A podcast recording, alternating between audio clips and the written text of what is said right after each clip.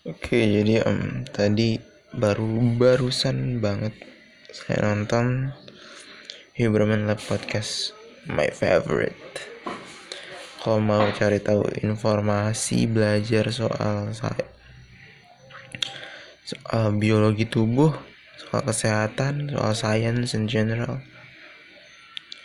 buat saya resource paling baik sejauh ini yang saya punya untuk dapat concise information yang cukup elaborate juga adalah Huberman Lab Podcast. Cari aja di YouTube.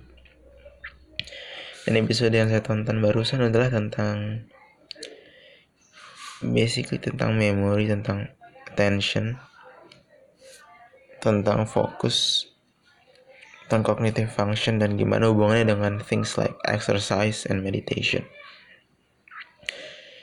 Um, it's actually the conversation form dengan um, Wendy Suzuki kalau salah. Professor I think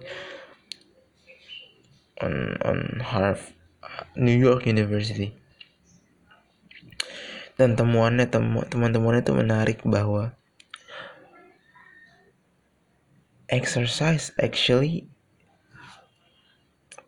um, ada other things yang saya udah tahu kayak giving adrenaline, dopamine, all the things that feels good for your body mood, attention, segala macam mood. Tapi ternyata in on the chemical level dia juga produce things called brain derived neurotropic substance.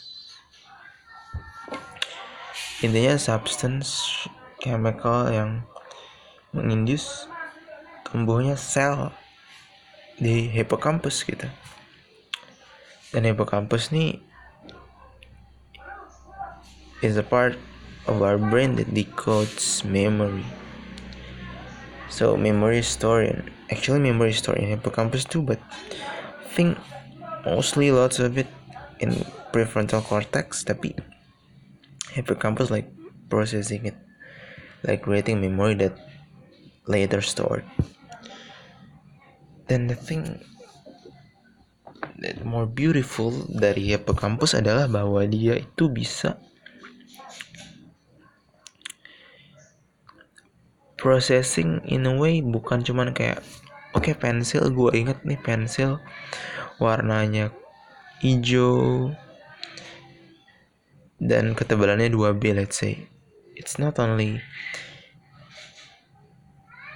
um, processed characteristic to store as information untuk diingat gitu. Cuman lebih jauh lagi hippocampus itu um, terlibat dalam imajinasi dalam I think um, planning for future in a way karena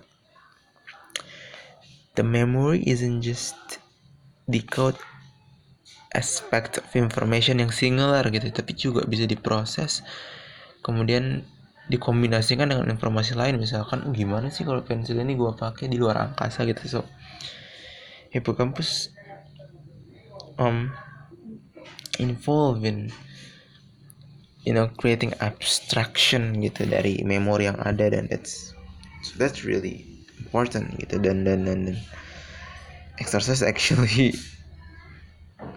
make your hippocampus better at performing his function gitu.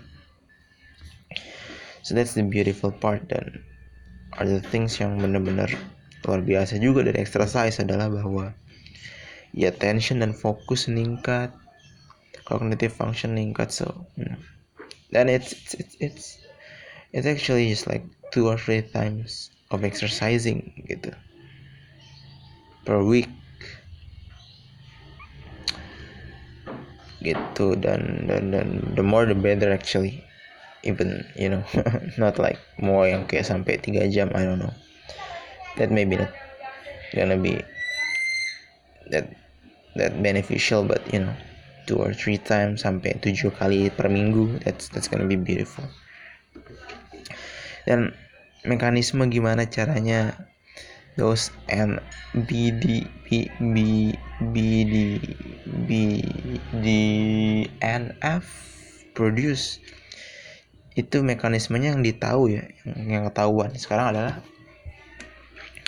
so heart rate is up mm, so you exercise so your muscle produce this protein that called I don't know I forget yang kemudian protein ini diproduksi di otot kemudian menembus kemudian ada di aliran darah dan dan nyampe ke otak gitu melewati blood blood brain barrier dan kemudian di situ sampai ke hipokampus dan menginduce that NSDF gitu. Terus yang kedua ada liver di hati jadi produce other chemical yang saya lupa namanya ketone I don't know.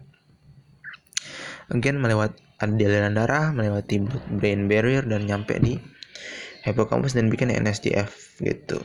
So that's the mechanism yang kita tahu yang ketahuan so. It works in, in, in a really mechanical level so that's that's beautiful. Ya gitu so. Just exercise everyone. Olahraga tuh baik dan penting. Oke okay, dadah